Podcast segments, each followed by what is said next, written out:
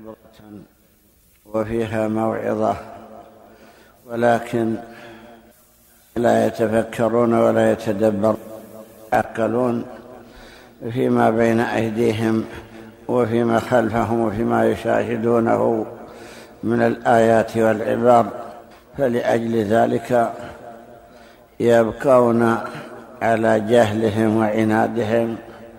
كذلك في هذه الأزمنة وقبلها أيضا بقديم خرج هؤلاء الذين يسندون الأفعال والحوادث إلى الطبائع ولا يعتبرون بما في هذا الكون من الآيات البينات وصاروا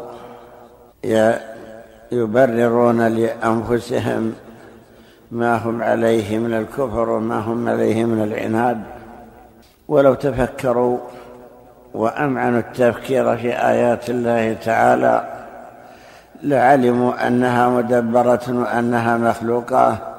فالله سبحانه وتعالى يلفت أنظار العباد إلى هذه الموجودات وهذه المخلوقات ويأمرهم أن يتذكروا ويخبرهم أنه ما خلقها عبثا وأن هذه هذا الكون وما فيه من الآيات والدلالات ليس منه شيء إلا وله حكمة وفي خلقه عبرة ما خلق الله شيئا وأهمله.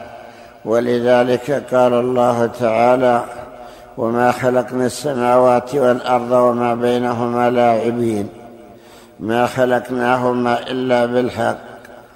أي خلق الله هذه المخلوقات بالحق لم يكن خلقها عبثا.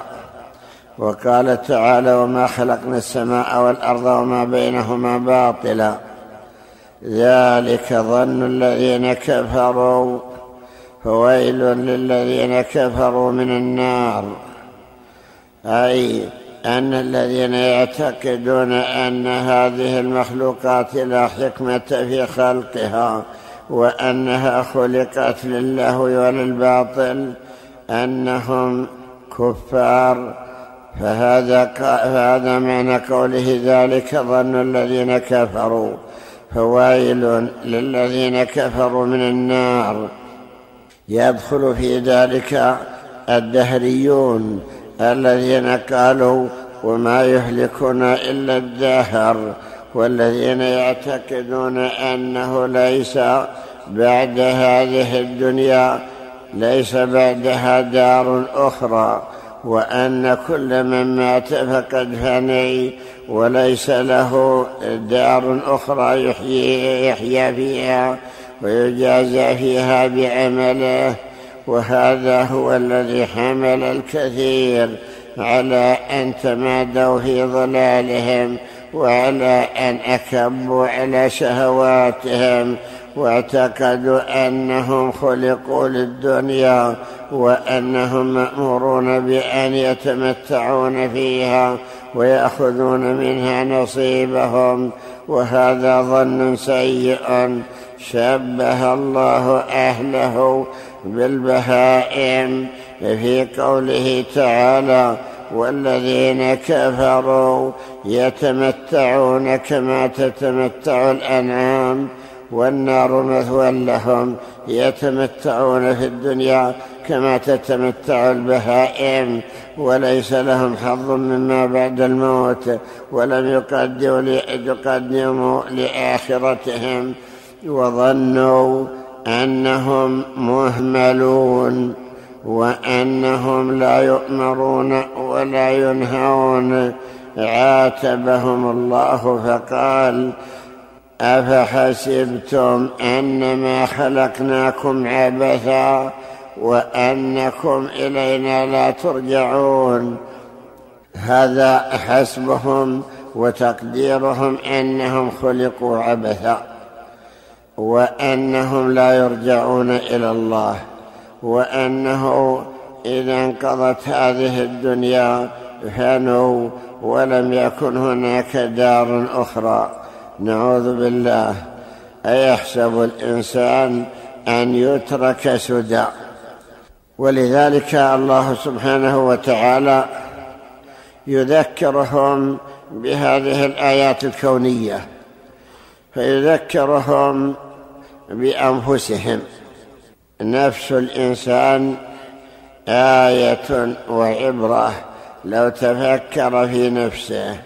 ولذلك تكلم العلماء المحققون على خلق الإنسان وبيان ما فيه من عجائب خلق الله تعالى.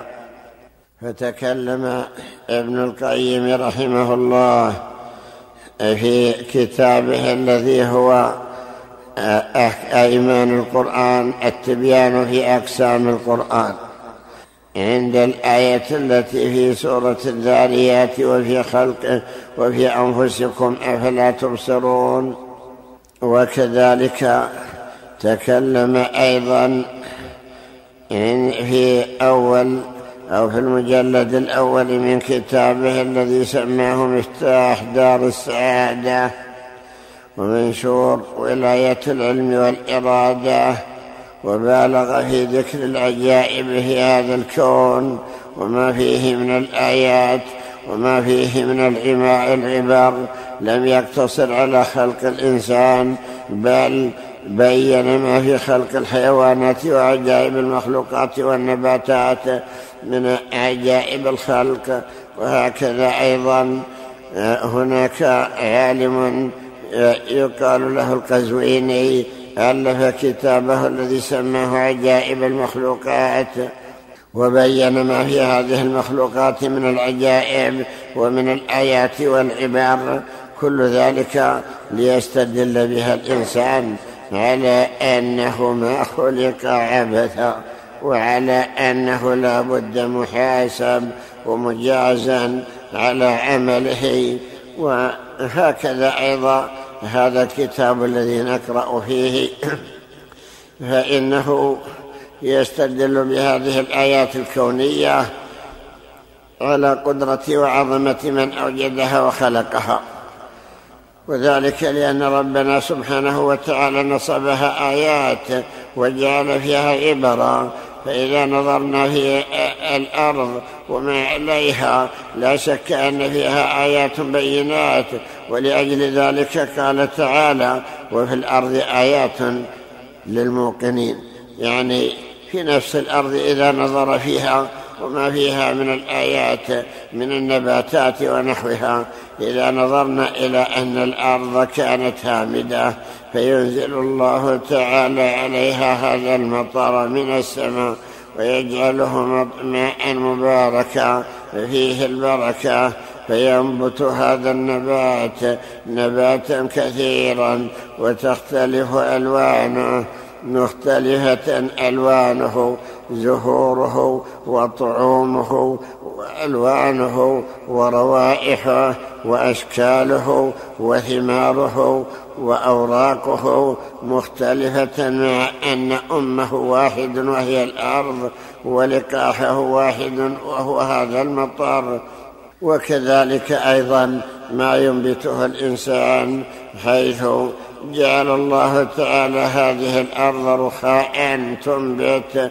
ولو جعلها صفاة ما أنبتت لها لك من عليها وكذا لو جعلها معادن لهلك من عليها ولم تنفعهم تلك المعادن ولو كانت ذهبا أو فضة أو يقيانا أو جوهرا أو نحو ذلك لا تنفعهم ولا يعيشون وهم عليها إلا إذا جعل الله تعالى فيها هذا النبات وجعلها قابلة له. وكذلك أيضا إذا تأملنا في أن هذا الماء ينزل من فوقنا لا ندري كيف يتكون. يسوقه الله تعالى يرسل هذه الرياح التي هي رياح شديدة خفيفة أو قوية. فإذا أرسلها سبحانه أثارت هذه هذه السحب فلو اجتمع الخلق كلهم على أن يثيروا هذه الرياح ما قدروا عليها. ولو اجتمعوا على أن ينشئوا هذه السحب ما قدروا على إنشائها. وكذلك أيضا حملها هذا الماء الماء الفرات جعله فيها. وشاء إذا شاء حبس المطر عن, عن الأرض. وإذا شاء أغدق عليهم الماء وأنزله عليهم. وأخبر النبي صلى الله عليه وسلم بأنه رزق لهذه البهائم ولذلك قال ولولا البهائم لم يمطروا مع أن فيه رزق لهم. وكذلك أيضا ما على هذه الأرض وما بث فيها من هذه الدواب المتنوعة. إذا تأمل الإنسان في خلقها وأن ربنا سبحانه ما أهمل منها شيئا بل كل دابة وكل طائر صغير أو كبير فقد يسر له رزقه وقد ألهمه كيف يبقى. ألهمه كيف يتوالد كما في قول الله تعالى الذي أعطى كل شيء خلقه ثم هدى.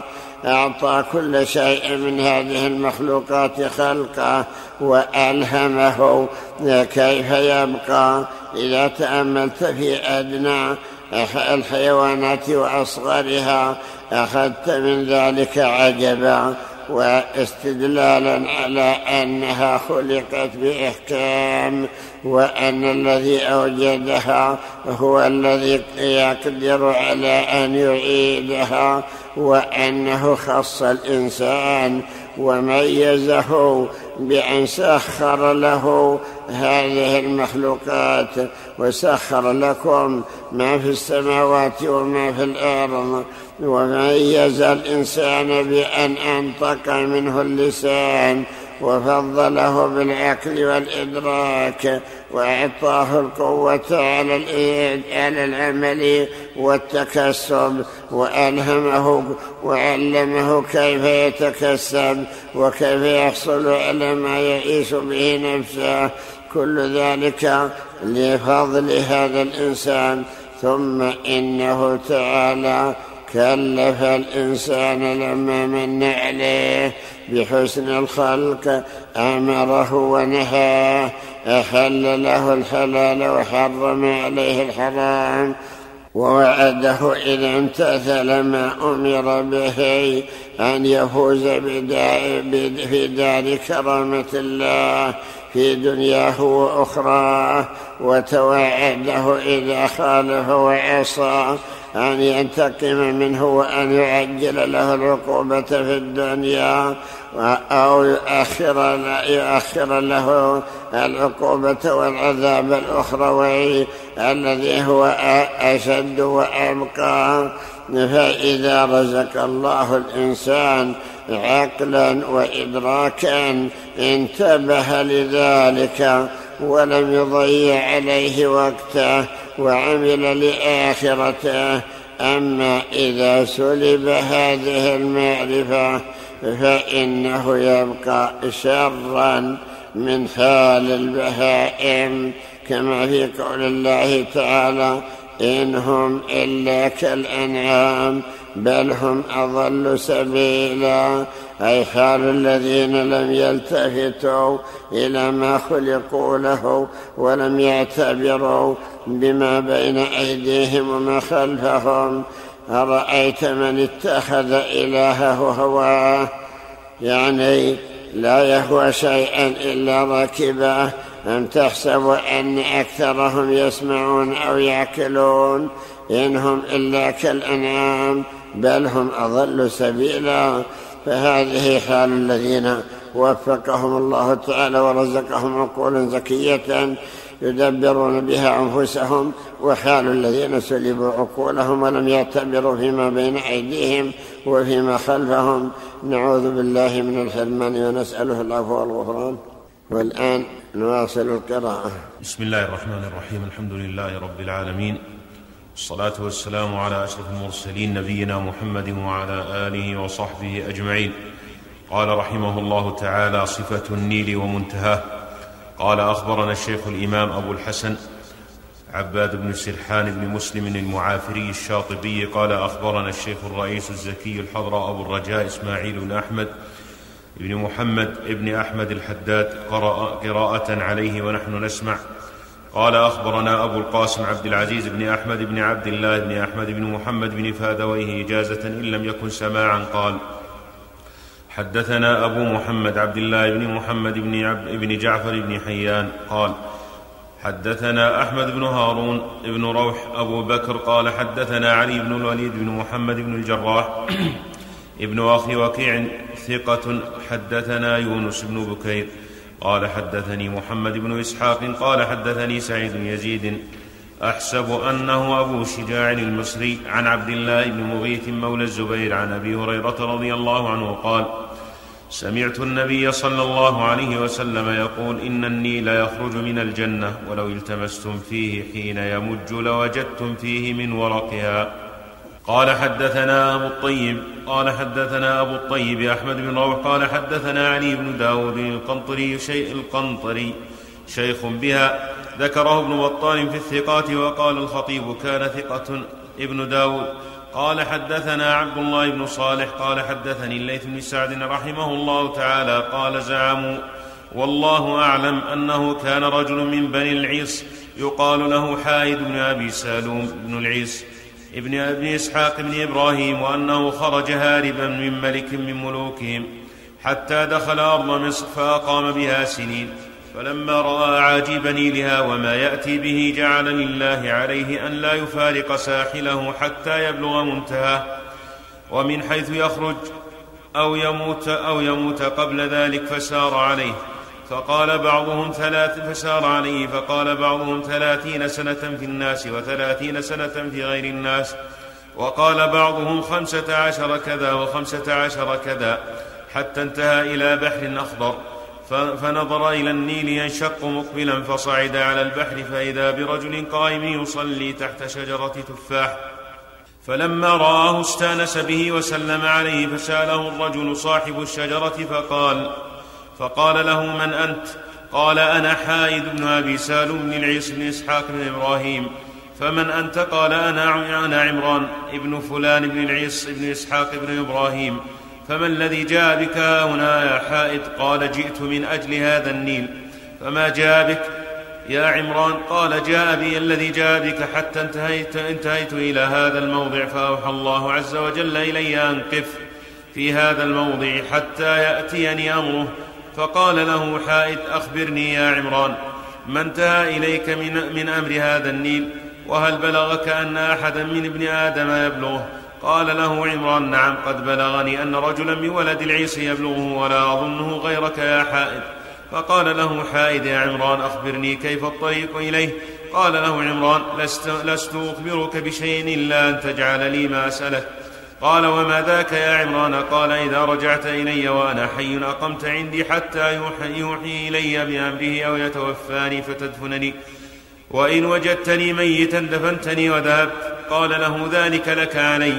فقال له سر كما أنت على هذا البحر فإنك ستأتي دابة ترى آخرها ولا ترى أولها فلا يهولنك امرا اركبها فإنها دابة معادية للشمس.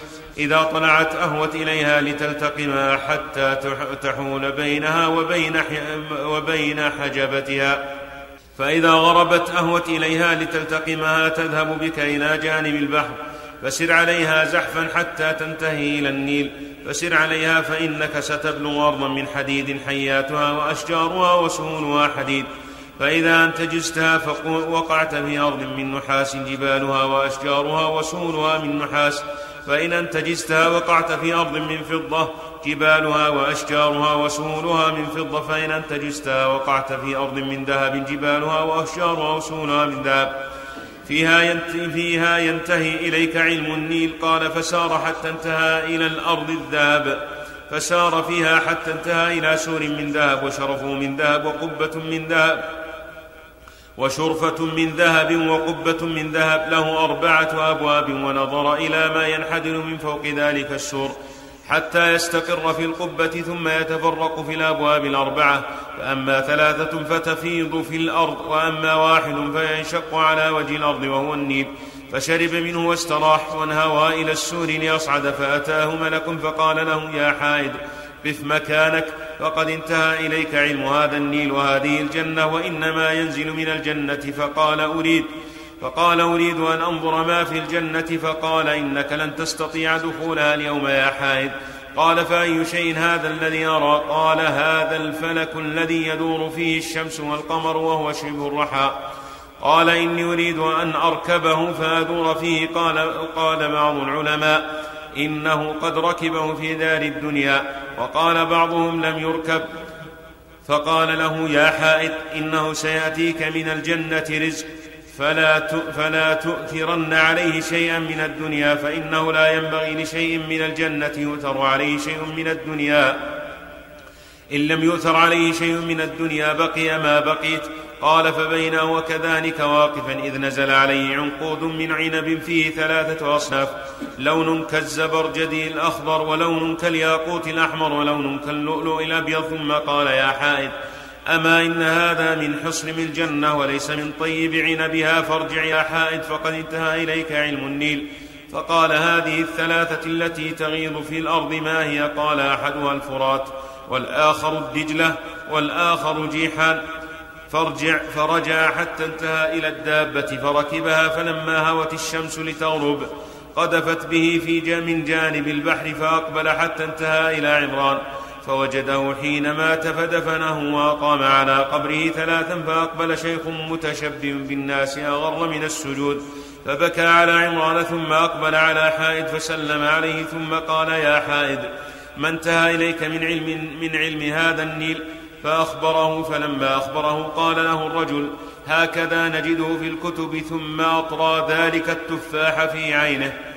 فقال ألا تأكل منه؟ قال معي رزقي قد, قد أعطيته من الجنة ونهيت أن أوثر عليه شيئا من الدنيا. فقال صدقت. فقال صدقت يا حائط ولا ينبغي لشيء من الجنة يؤثر عليه شيء من الدنيا. وهل رأيت في الدنيا مثل, مثل هذا التفاح؟ إنما أنبت في أرض ليست في الدنيا وإنما هذه الشجرة. أخرجها الله عز وجل لعمران من الجنة يأكل منها وما تركها إلا لك.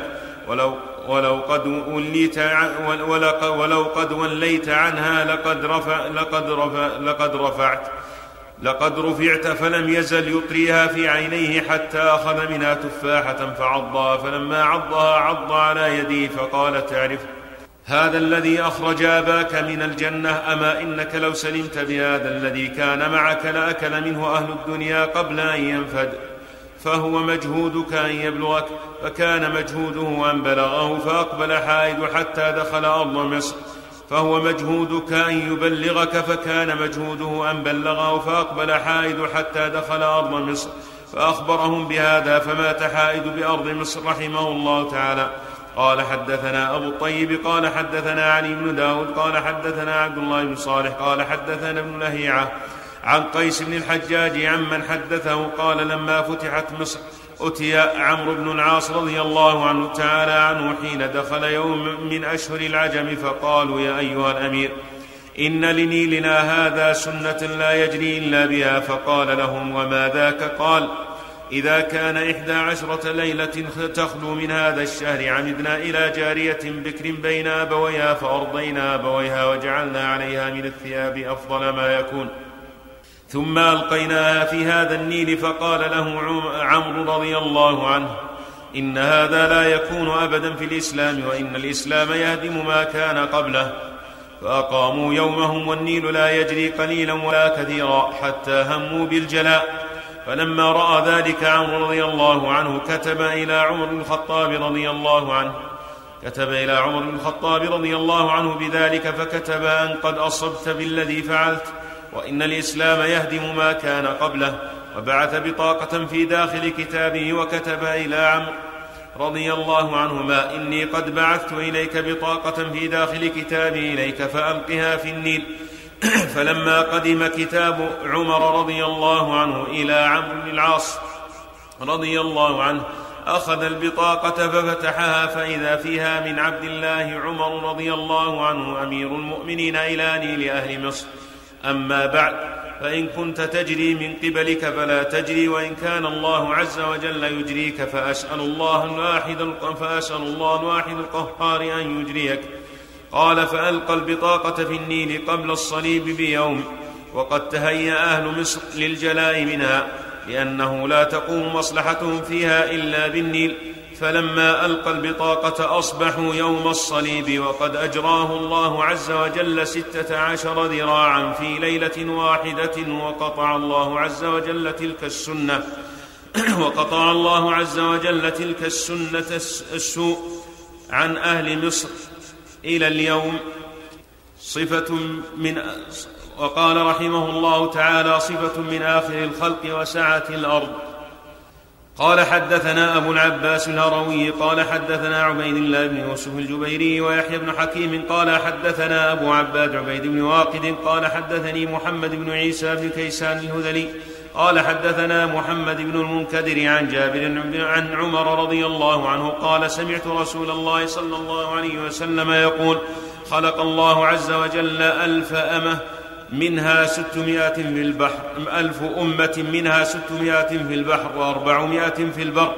قال حدثنا الهروي قال حدثنا عبيد الله قال حدثنا نوح بن قيس الحداني قال سمعت عون بن أبي شداد يقول إن لله تعالى أرضا بيضاء نورها نورها بياض بياضها خلف مسقط الشمس فيها قوم ما يشعرون أن الله عز وجل عصي في أرض.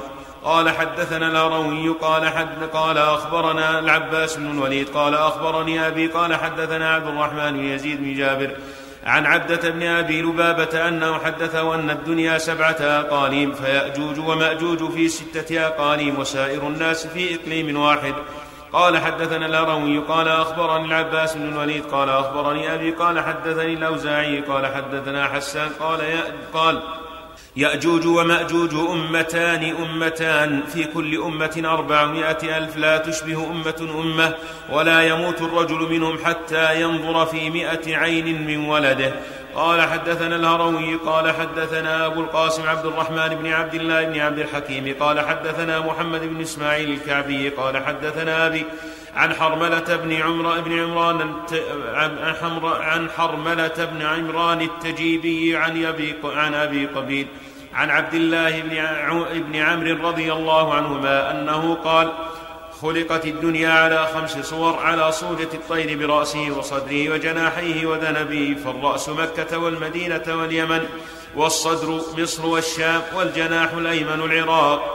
وخلف العراق أمة يقال لها واق وخلف واق أمة يقال لها وقواق. وخلف ذلك من الأمم ما لا يعلمه إلا الله عز وجل والجناح الأيسر السند وخلف السند وخلف السند الهند وخلف الهند أمة يقال لها ناسك وخلف ناسك أمة يقال لها منسك وخلف ذلك من الأمم ما لا يعلمه إلا الله عز وجل.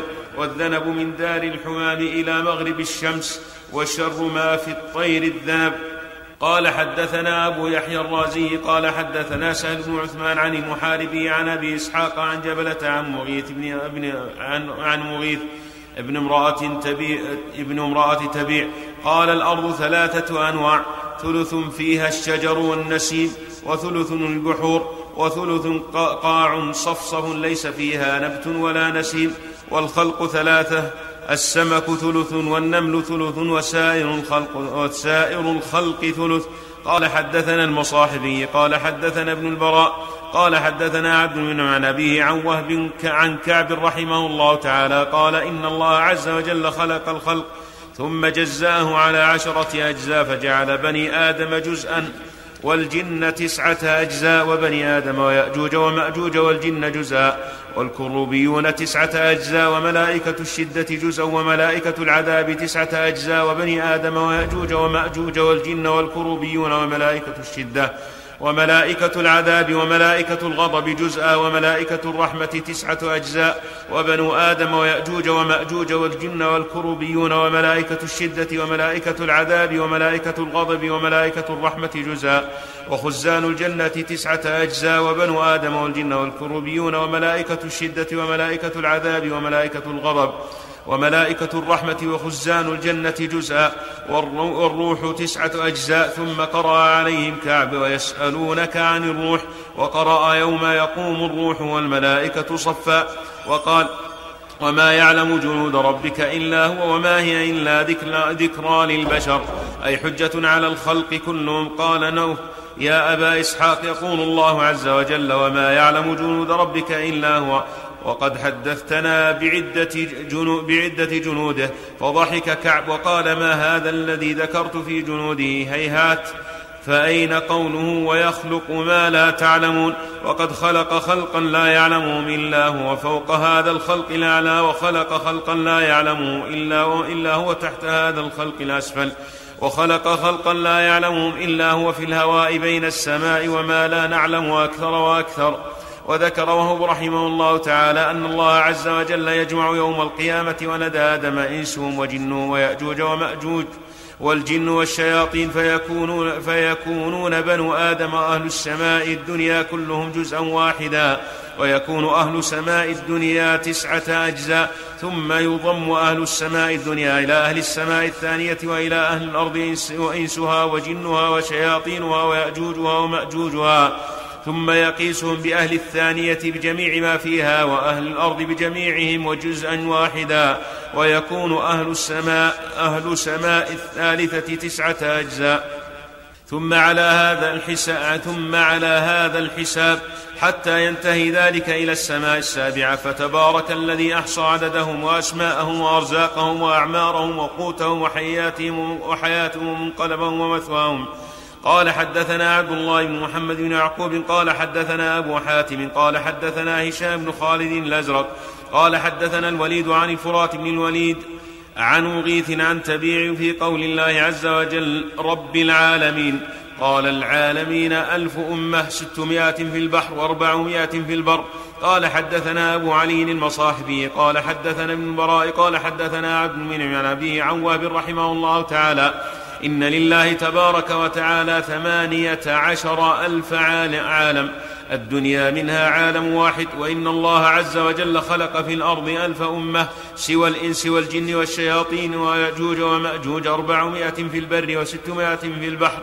قال حدثنا أبو بكر بن أبي داود قال حدثنا عباس بن الوليد أخبرني أبي عن الأوزاعي عن حسان بن عطية قال عراة الحبشة أكثر من هذه الأمة والله أعلم. هذه من العبر والآيات التي يلفت الله تعالى أنظار العباد إليها ليأخذوا منها موعظة وذكرى. فمن ذلك خلق هذه الأرض وجعل منها أكثرها ماء مستويا على الأرض وهو هذه البحار. ممتدة قد غطت أكثر الأرض وجعل منها هذا الجزء الذي هو بارز ليس عليه هذا الماء. ثم جعل هذا الماء الذي هو ماء البحر ملحا أجاجا وأجرى فوقها أنهارا عذبة تشربها أو يشربها الإنسان وتسقى بها الدواب وتسقى بها الأشجار. وأخبر تعالى بأنه بأنهما لا يختلطان. قال الله تعالى وما يستوي البحران هذا عذب فرات سائغ شرابه وهذا ملح أجاج. العذب الفرات هو الحلو العذب والملح الأجاج هو المالح شديد المرارة وكل منها على وجه الأرض. وقال تعالى مرج البحرين يلتقيان بينهما برزخ لا يبغيان. وقال تعالى وهو الذي وقال وجعل بين البحرين حاجزا. أخبر بأنه جعل بين البحرين حاجزا. لا يختلط هذا بهذا. قد يمشي العذب الفرات إلى جانب الملح العجاج ومع ذلك لا يمتزج به ولا يختلط بقدرة الله سبحانه وتعالى. لا شك أن هذا من آيات الله العجيبة وأخبر بأنه سخر هذا البحر وهو الذي سخر البحر لتجري الفلك فيه بأمره. الفلك السفن تجري فوق هذا الماء وتحمل الأمتعة ويركبها الناس من جانب إلى جانب. ويحملون فيها ما يحتاجون إليه. هذا بلا شك تقدير الله تعالى. يقول وترى الفلك مواخر فيه ولتبتغوا من فضله ولعلكم تشكرون. وجعل في هذا البحر عجائب من المخلوقات وجعل فيه أيضا جواهر. قال تعالى لتجري الفلك فيه بأمره ولتاكلوا منه لحما طريا. لتاكلوا منه لحما طريا وتستخرجوا منه حلية تلبسونها. يستخرج من من البحر جواهر ولؤلؤا وزبرجد وحلية من أنواع ما يتحلى به مما له قيمة رفيعة. كل ذلك في هذا البحر. وأما الماء العذب فإنه جعله لأجل أن يسقي الناس منه أشجارهم ودوابهم ويشربون منه ويعيشون عليه. ومن ذلك هذا النيل الموجود في مصر المشهور. ورد في حديث في الصحيح أن أربعة أنهار في الدنيا من الجنة النيل والفرات وسيحون وجيحون.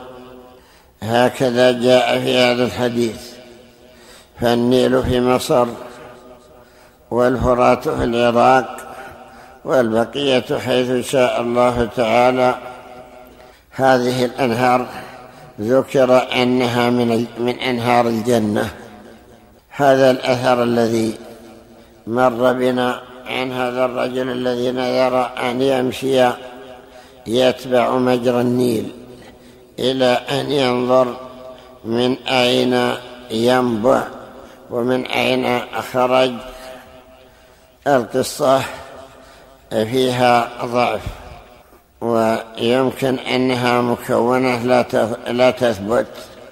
النيل قد ذكر أنه يجري من جبال في الجانب الجنوبي من مصر أو قريبا من السودان. وأن ذلك تلك الجبال ينزل عليها الماء المطر ويكون فيها مستودعات تمتلئ من الماء ثم تفيض وتنزل ولا مانع من أن يكون ذلك من أنهار الجنة. أي أن هذا الماء الذي ينزل على تلك الجبال ثم ينزل مع ذلك المجرى الذي هو مجرى النيل أنه من أنهار الجنة أو من ماء الجنة. كما يشاء الله تعالى أجراه بحكمته ولو شاء لأوقفه. وكذلك أيضا الفرات له أيضا أماكن يجري منها يعني ينزل من السماء على أماكن مرتفعة وتكون آه، كمستودعات تمتلئ من مطر السماء الذي هو ماء عذب. ثم بعد ذلك ينزل من تلك المرتفعات ويجري مع ذلك المكان. يجري إلى أن يصل إلى حيث شاء الله تعالى.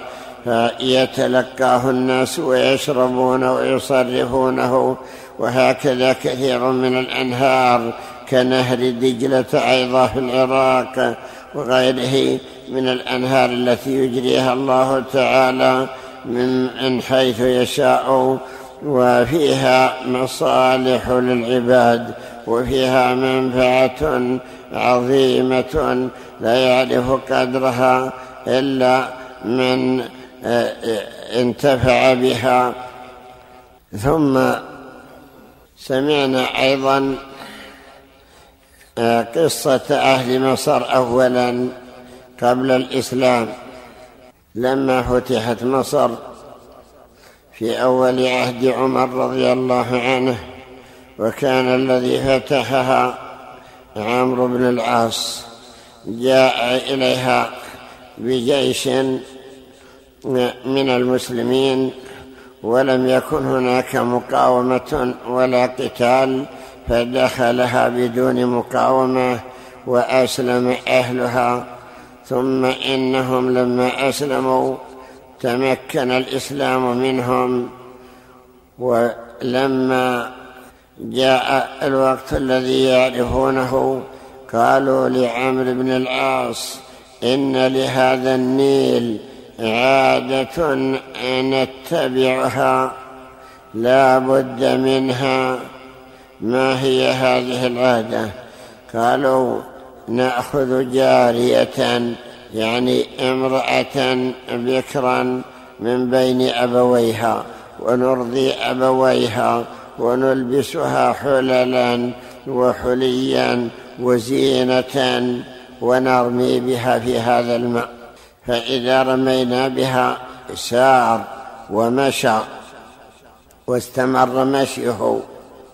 وإذا لم نفعل توقف هذا النيل. ولما اخبروا عمرو بن العاص قال إن هذا لا يجوز في الإسلام. وذلك لأنه يعتبر تقربا إلى غير الله. تقربا بهذا هذه المرأة البريئة إلى هذا الماء. فلما لم يوافقهم على ذلك توقف جريانه بإذن الله. وقد تقول لماذا؟ الجواب أن هذا ابتلاء وامتحان من الله. ابتلاء منه. وأيضا يمكن أن يكون الشيطان له حيلة في ذلك فالشياطين لها حيل فيمكن أن الشياطين حبسوا مجاري ذلك الماء حتى يشركوا بهذا الشرك كأن أهل مصر في قبل الجاهلية يعبدون الشياطين ويعبدون ذلك الماء. فيذبحون له أو يلقون فيه هذه المرأة البريئة حتى يخلي الشيطان مجراه فينفتح ويجري فتنة وابتلاء. لما لم يلقوا فيه الجارية وقف وبقي لا يجري منه قطرة. أهل مصر يعيشون على هذا النيل يفجرونه على أموالهم على حروثهم وعلى أشجارهم وعلى آبارهم ومنه يشربون ومنه يسقون دوابهم ومنه يسقون حروثهم. ولما توقف تضرروا بذلك حتى كادوا أن ينتقلوا إلى بلاد أخرى لأن بقاءهم بإذن الله على هذا الماء. ولما علم بذلك عمرو بن العاص كتب إلى عمر بن الخطاب رضي الله عنه يخبره بهذه القصة وبهذا الأمر. فمدحه وأثنى عليه عمر وشجعه على قطع هذه العادة الجاهلية وأرسل إليه بطاقة صغيرة مكتوب فيها من عبد الله عمر بن الخطاب أمير المؤمنين إلى نيل مصر. أما بعد فإن كنت تجري من نفسك فلا حاجة لنا فيك. وإن كان الله هو الذي يجريك فنسأل الله أن يجريك. أمر عمرو بن العاص أن يلقي هذه البطاقة في ذلك الماء في ذلك النيل. ولما ألقاها انقطعت حيل الشيطان وأجرى الله ذلك الماء وأصبحوا في صبح ذلك اليوم وقد ازداد جريانه ستة عشر ذراعا. يعني زيادة على ما كان عليه فانقطعت تلك العادة. هذا من الابتلاء. وذلك أن الشيطان قد يكون له حيلة في إيقاف تلك العيون حتى لا تنبع بحيله. يذكرون ذلك كثيرا. يذكر لنا قوما أنهم حفروا بئرا وعجزوا عن أن يدركوا منها الماء. فعند ذلك دعوا الله تعالى وطلبوا منه وقرأوا فيها فانفجرت العيون. وذكر لنا أن عيونا كانت في الإحساء كانت تتوقف أحيانا وكان الرافضة الذي هناك في ليلة كل جمعة يذبحون عندها كبشا. فيقولون إن ذلك سبب لجريانها. وأنهم إذا لم يفعلوا توقف جريانها ابتلاء وامتحانا. ولما استولت الحكومة وفتحت الأحساء وما حوله انقطعت تلك العادة وانقطع ذلك الشرك وأصبحت العيون تنبع كما شاء الله إلى أن غارت المياه في هذه الأزمنة بسبب قلة الأمطار ونحوها. وبكل حال فإن هذا دليل على أن هذه العيون وهذه الأنهار تجري بأمر الله وأنه هو الذي يسيرها إذا شاء ويوقفها إذا شاء. وأما ما سمعنا من عدد المخلوقات التي خلقها الله والأمم التي نوعها. فذكر في هذه الآثار أن الله خلق ألف عالم ألف أمة الإنس أمة والجن أمة والشياطين أمة والملائكة أمة هؤلاء مكلفون والبقية غير مكلفين. نقول مثلا إن الإبل أمة والبقر أمة والضأن أمة والمعز أمة والخيل أمة والحمر أمة والظباء أمة والوعول أمة وكذلك الذئب والأسد الذئاب والأسود والضباع والفهود وما أشبهها وكذلك أيضا الصيود الأخرى كالأرنب واليربوع والفأر والجرذ والوبر وما أشبهها. كذلك أيضا الطيور النسور أمة والعقاب أمة والغراب أمة والصقر أمة والبازي أمة وأشباه ذلك وكذلك الطيور الصغيرة والحشرات ونحوها. البعوض أمة والذباب أمة والنحل أمة وأشباه ذلك. وهكذا أيضا دواب البحر. يعني أن هذه الدواب والطيور التي في البر ذكروا أنها أربعمائة أربعمائة أمة. من دواء من الطيور ومن الحشرات التي تمشي على الأرض وإذا ألقيت في الماء ماتت أربعمائة أمة. وأما دواب البحر فذكر كما سمعتم أنها ستمائة أمة منها ما هو كبير ومنها ما هو صغير. قد مر بنا أن من الدواب الدابة التي التقمت نبي الله يونس. حوت كبير التقمه وبقي في بطنه ومع ذلك لم آه، بقي لم ينكسر منه عظم ولم ينجرح منه جلد مما يدل على عظمته.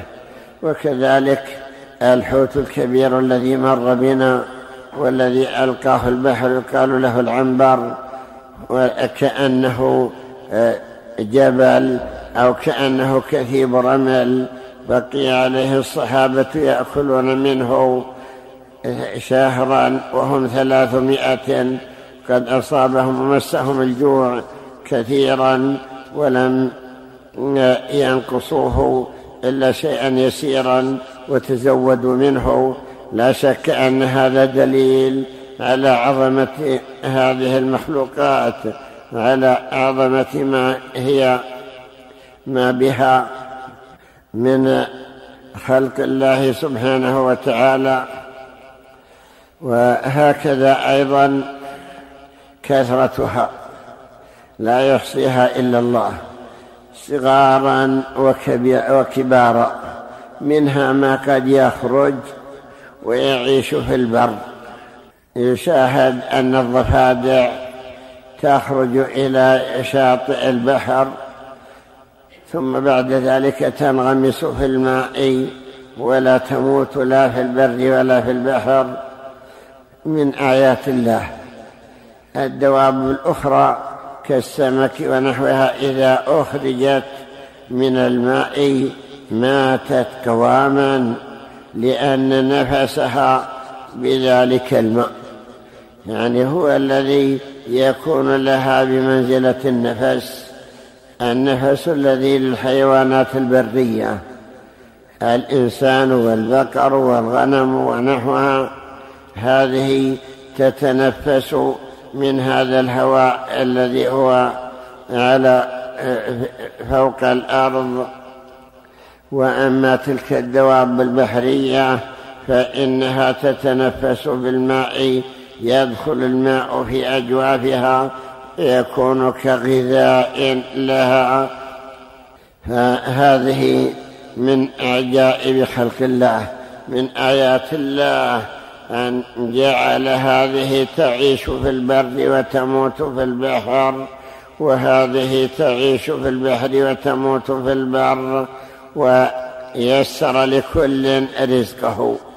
هذه الدواب التي في البحر لا بد لها من غذاء. ما غذاؤها؟ ليس غذاؤها هو مجرد الماء. فقد يكون الماء غير كاف ويمكن أن كثيرا منها غذاؤها هو الماء. لا, لا تتغذى على غيره تعيش عليه. ولكن معروف أن البحر يموت فيه دواب كثيرة. وأين تذهب تلك الدواب التي تموت فيه؟ مع كثرتها ومع توالدها. معلوم أنها يأكلها الأخر دواب البحر يأكل بعضها بعضا. جعل الله هذا البحر ملحا شديد الملوحة حتى لا ينتن ولا يكون خائسا بكثرة ما يموت فيه من الدواب. وهذا من حكم الله تعالى. حتى لو مات فيه شيء من دواب البر ما أنتن ولا تغير ريحه. إذا ألقي فيه مثلا جمل ومات الجمل ثم أخرج لا يوجد له الرائحة التي تكون فيه إذا مات في خارج البحر. وكذلك مشاهد أن الناس إذا كان معهم لحم قبل وجود الثلاجات جعلوا عليه هذا الملح حتى يحفظه يحفظه عن أن يتغير ريحه لأن الملوحة التي كملوحة البحر تحفظ اللحوم ونحوها عن التغير وعن التعفن. وبكل حال فإن آيات الله عز وجل عظيمة نصبها لعباده وأمرهم أن يعتبروا ويتفكروا أنه سبحانه جعل لها رزقا وسخر لها رزقا. قال الله تعالى وما من دابة في الأرض إلا على الله رزقها ويعلم مستقرها ومستودعها. نكتفي بهذا. والله أعلم.